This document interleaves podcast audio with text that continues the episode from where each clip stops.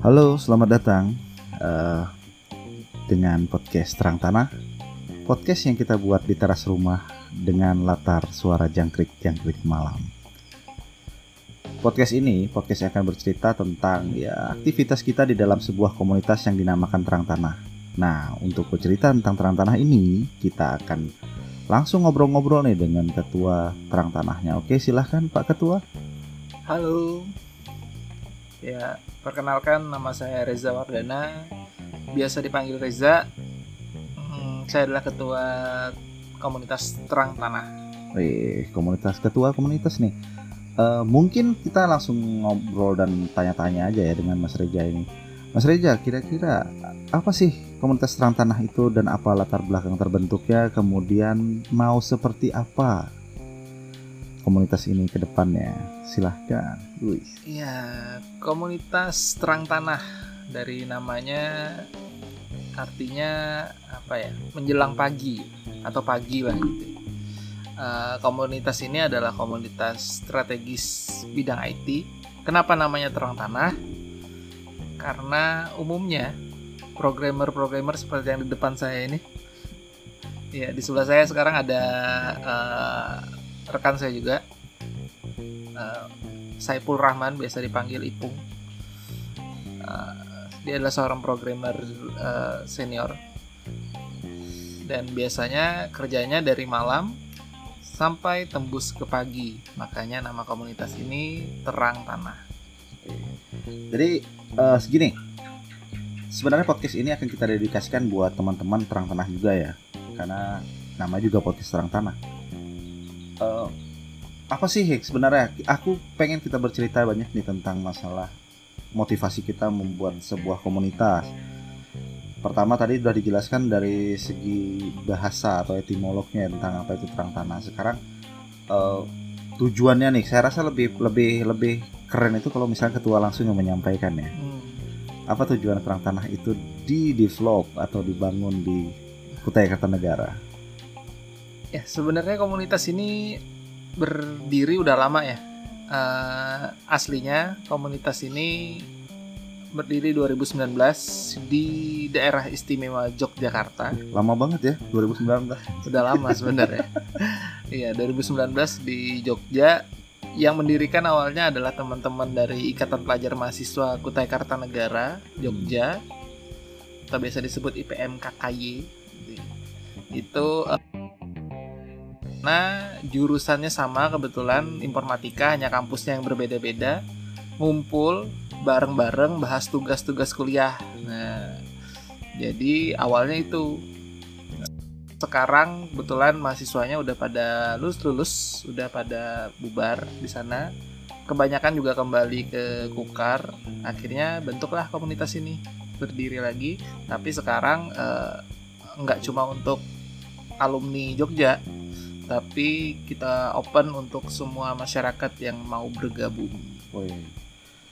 Jadi kalau misalkan melihat juga ya kalau dari latar belakang berdiri komunitas ini aja ya. Komunitas ini kan sebenarnya orientasi kita adalah buat masyarakat ya karena kita melihat bahwa yeah. di tempat kita sendiri kita punya potensi untuk berkembang dalam uh, dunia teknologi. Yeah. Pengembangannya artinya uh, selain kita melihat peluang bahwasanya daerah kita adalah daerah yang potensial dan ini juga jadi akan menjadi sebuah tempat untuk sharing knowledge ya. Ada motor lewat. Iya, keren. Halo motor. iya kan? Jadi uh, kita membangkitkan sebuah potensi kedaerahan di mana orang-orang yang punya talenta, kemampuan atau skill di bidang apa? teknologi dan programming ini yeah. nantinya akan bisa mentransfer kembali pengetahuannya kepada teman-teman yang banyak ya. Iya. Benar-benar ya komunitas ini uh, kita sadar bahwa ketertarikan orang hmm. terhadap dunia IT itu sangat tinggi ya. Iya. Yeah. Mulai dari segala latar belakang saya rasa, mulai dari siswa, mahasiswa, sampai yang udah kerja pun, sampai mungkin yang sudah cukup uzur gitu. banyak yang tertarik dengan dunia ini. Dan uh, komunitas ini ya salah satunya untuk berbagi dengan teman-teman yang tertarik. Entah yang nantinya mau mengambil jurusan informatika ataupun yang sudah tidak mungkin kuliah lagi gitu kan tapi masih pengen belajar. Kayaknya menyinggung. Itu sensitif soalnya bahasannya. ya jadi yang tidak eh, yang tidak mendapatkan perkuliahan formal lah pendidikan formal di dunia ini tapi tertarik gitu. Nah silakan gabung dengan eh, kita. Kita sangat open dengan semuanya dan pastinya sama-sama belajar kita pun semuanya masih belajar Cuma memang saat ini sebenarnya orang-orang tuh sangat belum memahami ya bahwa saya mereka itu adalah pelaku juga di bidang teknologi ya sebagai end user benar. lah khususnya. iya sebagai user end user jadi eh, tanpa kita sadari orang-orang di di daerah itu pun di mana-mana orang sudah mulai bisa mengakses media sosial yang notabene media sosial juga adalah bagian dari teknologi kan Hmm. nah jadi komunitas ini pengen memberikan sesuatu yang apa ya positif lah bagi masyarakat bahwasanya teknologi itu bisa kita gunakan bukan hanya sebagai melihat hiburan tapi Iya. juga bisa membangkitkan potensi-potensi ekonomi juga sebenarnya kalau misalkan dieksekusi atau digarap dengan benar ya. Iya benar. Eh, di daerah kita Kutai Kartanegara ini kan bentar lagi jadi IKN ya, ibu kota negara ya. Sombong nih, sombong. Ya cepat atau lambat kita akan kedatangan eh, orang-orang yang hebat mungkin ke sini. Nah, alangkah serunya kalau orang-orang hebat yang datang kita sambut juga dengan orang-orang yang hebat. Wih, mantap tuh, tuh, keren tuh jargon itu. itu yang seru tuh. Ah, Oke, oke, oke. sayang kalau kita cuma jadi penonton di daerah kita sendiri. Gitu. Hmm. Jadi sebenarnya kalau misalkan nih kita bicara profil nih, misalkan eh, buat Reja sendiri nih, Hmm. sebenarnya Reja bergabung di komunitas terang tanah nih eh, backgroundnya sebagai seorang apa sih? Apakah memang dulunya adalah sebagai end user atau memang sudah pelaku daripada teknologi? Artinya ini kan eh, sebenarnya tahu sih, cuma Hmm. pengen memperkenalkan aja. Iya, eh, Bicara background aja. Iya, Eh, mungkin eh, kenapa saya jadi ketua gitu ya? Mungkin ya pertama saya kenal dengan teman-teman yang awalnya membentuk karena saya juga dulu kuliah di Jogja Hmm. kan. Eh, Di sempat kerja juga di- UGM ya? di, Universitas Gajah Mada. Oh. Benar. Eh, saya kuliah di sana, mm, sempat kerja juga di Jogja, mm, sampai 2018 kembali ke sini, gitu. Dan kembali ke sini kebetulan emang saya eh, pendidikannya sampai S2 ya, waktu itu. Jadi akhirnya Itu yang meng itu ya, eh, ya, yang emeng gitu. bahasa Inggris ya. Iya, iya gelarnya emeng ya. Apa itu mas, ma- Master of Engineering. Master of Engineering ya dari UGM nih, wih Iya. keren kan? Eh, kembali ke sini eh, alhamdulillah dipercaya untuk menjadi seorang tenaga pengajar di Universitas Negeri di Kalimantan Timur Di, di Universitas Mula Warman. Mula Warman. Oh. Ya, ya itulah. Jadi eh, aktif dari kuliah sampai selesai kuliah sampai sekarang selesai selesai kuliah. Maksudnya udah lama selesainya. Aktif di dunia IT, ketemu juga dengan eh, mahasiswa-mahasiswa yang saya yang hebat seperti yang di depan saya ini. Berarti sebenarnya nggak kesulitan kan kalau misalkan eh, apa background awalnya itu adalah seorang tenaga pengajar ya. Iya, Apalagi paling pada saat dari sebuah universitas pindah ke dalam sebuah komunitas itu dari formal ke non formal aja ya. Iya, Cuma mungkin pendekatan itu lebih apa? Lebih fun ya kalau misalkan di komunitas lebih santai lah. iya benar-benar. Iya, jadi eh, yang kita sadarin, yang saya sadarin sebenarnya eh, teman-teman yang di kampus juga kebanyakan kesulitan sebenarnya. Oh, Uh, kesulitannya kenapa? Karena memang pendidikan formal di kampus itu tidak selalu menunjukkan uh, realnya di lapangan seperti apa. karena teoritis kan. Ya, karena teoritis. Saat cara udah keluar, kemudian kita akan mulai bicara tentang apa implementasi. Nah, itu. Jadi ya uh, alangkah baiknya kalau teman-teman yang di kampus juga berkegiatan di luar hmm, uh, melihat langsung realnya di lapangan seperti apa seperti Hmm. itu. Oke, kalau misalkan ini ya, artinya kan di apa komunitas ini kan memang bergeraknya di bidang teknologi dan programming ya. Kalau dalam komunitasnya sendiri secara detail, Hmm. kira-kira apa aja sih yang sebenarnya yang jadi hal-hal menarik di dalam komunitas? banyak sebenarnya yang menarik di komunitas ini ya. Eh, jadi mulai ya tadi eh, fokus utamanya karena sekarang penggeraknya kebanyakan adalah seorang programmer. Jadi uh, yang kita uh, pelajarin pastinya untuk membangun aplikasi, hmm. uh, entah itu web based, mobile ataupun uh, desktop gitu ya. Nah, kita belajar untuk membangun sebuah aplikasi. Nah, yang lainnya kita juga belajar untuk uh, di bidang jaringan. Uh, oh. Ada beberapa yang kita sudah rencanakan dengan Diskominfo, uh, Kukar untuk hmm. kita terapkan di, di di Kukar gitu ya, di bidang jaringan gitu ya.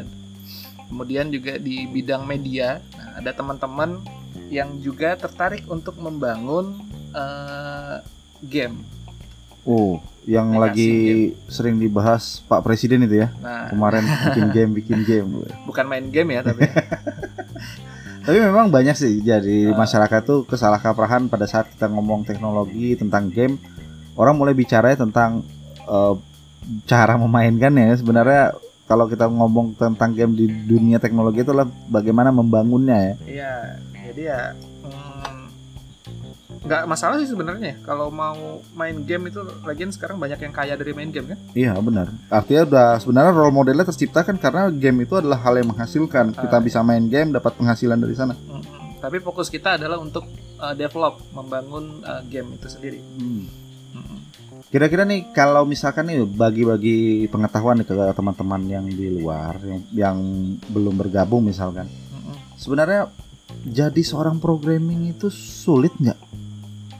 Nah Mungkin, ini, ini. Uh, Ipung nih yang jawab nih. Ya karena Ipung sampai sekarang masih uh, sebagai programmer ya. Kalau saya kan udah nggak nggak aktif lagi. Silakan tuh.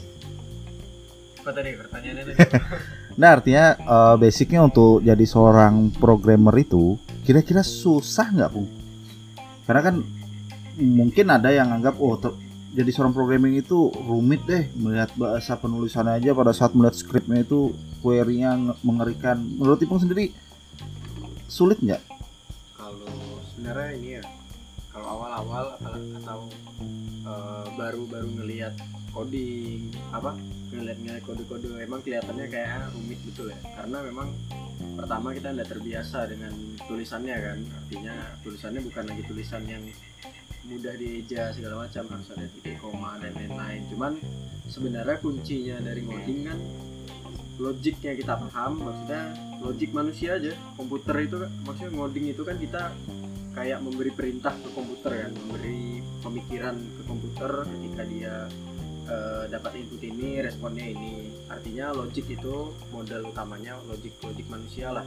Nah yang kedua sebenarnya masalah script yang rumit segala macam itu cuman tentang kita ngebiasakan diri aja. Artinya uh, tinggal ngulangnya aja berapa kali ngulangnya aja nggak perlu kayaknya punya kecerdasan khusus yang gimana gitu untuk masalah skripnya itu hmm. sih berarti sekarang kan jawabannya kan bisa terjawab nih bahwasanya coding itu bisa dipelajari oleh siapa pun benar bung ya benar bang artinya tinggal butuh ketekunan dan ke, untuk mengulang lah trial iya. and error itu biasa benar.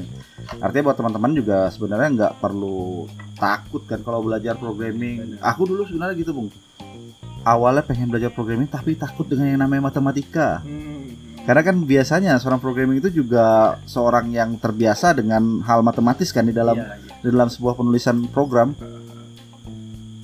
Sebenarnya ini ya kalau kalau hitungan matematis memang memang matematis cuman bukan matematis yang yang serumit kita bayangkan gitu. Sebenarnya logikanya logikanya lebih sederhana ketimbang ketimbang yang kita bayangkan. Intinya hmm. kalau misalkan ada yang mau mulai belajar ngoding segala macam jangan dulu takut dengan apa istilah-istilah harus apa di coding itu banyak logika matematika dan lain-lain. Itu kita minggirkan dulu. Hmm. kita nyoba aja dulu. Sebulan kita cari materi sebulan terus kita ulang terus. Kayaknya ini sih kayaknya bakal ketagihan. ketagihan Wih, itu seru tuh artinya ada ada bahasa ketagihan bahwasanya coding itu kalau kita selami kita dalami benar-benar ya dan kita mulai bisa melihat bagaimana kode yang kita tulis itu bisa bekerja berjalan itu pasti ada sensasi berbeda ya. Benar. Nah, makanya artinya buat teman-teman gak usah takut lah coding itu menyenangkan. Artinya ada banyak contoh nih di depan-depan kita nih ngobong pada bahwa coding itu hal yang menyenangkan ini gue ngomong sambil ngoding ya Oh iya ini malam ini ya. Teman-teman sambil ngoding jadi iseng-iseng kita bikinkan sebuah podcast sambil ngobrol aja. Iya. Karena akan terasa natural sekali kalau kita berbicara uh, seperti ini kan sambil ngobrol hal-hal yang penting. Gitu. Nah jadi ini kalau misalkan di kita kan bangun nih komunitasnya di Kutai Kartanegara ya. Artinya mungkin nggak kalau suatu saat nanti di tempat kita udah mulai terbentuk mindset-mindset orang yang aware terhadap teknologi dan bermunculan startup-startup itu. Artinya apa bisa nggak komunitas ini berkontribusi juga ke orang-orang seperti mereka? Bisa nggak, Bung? Jelas bisa. Jawaban singkat agar bisa lanjut ngoding. Artinya Iya. sebenarnya juga membangkitkan potensi ekonomi ya kita ya. Oh, Iya, itu salah satu tujuan kita sih. Makanya Oh. di eh, divisi kita ada divisi technopreneurship. Nah, gitu ya. Divisi ini adalah divisi yang eh, mengembangkan potensi-potensi UMKM go digital. Eh, kalau pemerintah pusat bilangnya seperti itu. Oh, UMKM go, go digital, ya. Nah, Artinya sebenarnya bentuk transformasi dari UMKM konvensional hmm, ke dalam bentuk yang digital. Iya, ataupun ya membangun startup seperti yang disebutkan tadi. Oke. Ini menarik nih, tapi akan kita bahas nanti di podcast yang kedua. Mungkin Oke. kali ini kita akan sedikit berikan spoiler lah. Buat Hmm. saya di podcast yang kedua akan lebih seru. Eh, jadi nanti di episode berikutnya kita akan mulai bahas masalah keseruan bagaimana proses coding. Mereka akan mulai menjelaskan nih seperti apa Ya. sih coding itu dari awal sampai ke akhirnya. Oke, mungkin kali ini podcast yang pertama ini cukup sekian sebagai introducing atau perkenalan dari kita. Sampai jumpa di lain kesempatan. Halo, Bye. bye.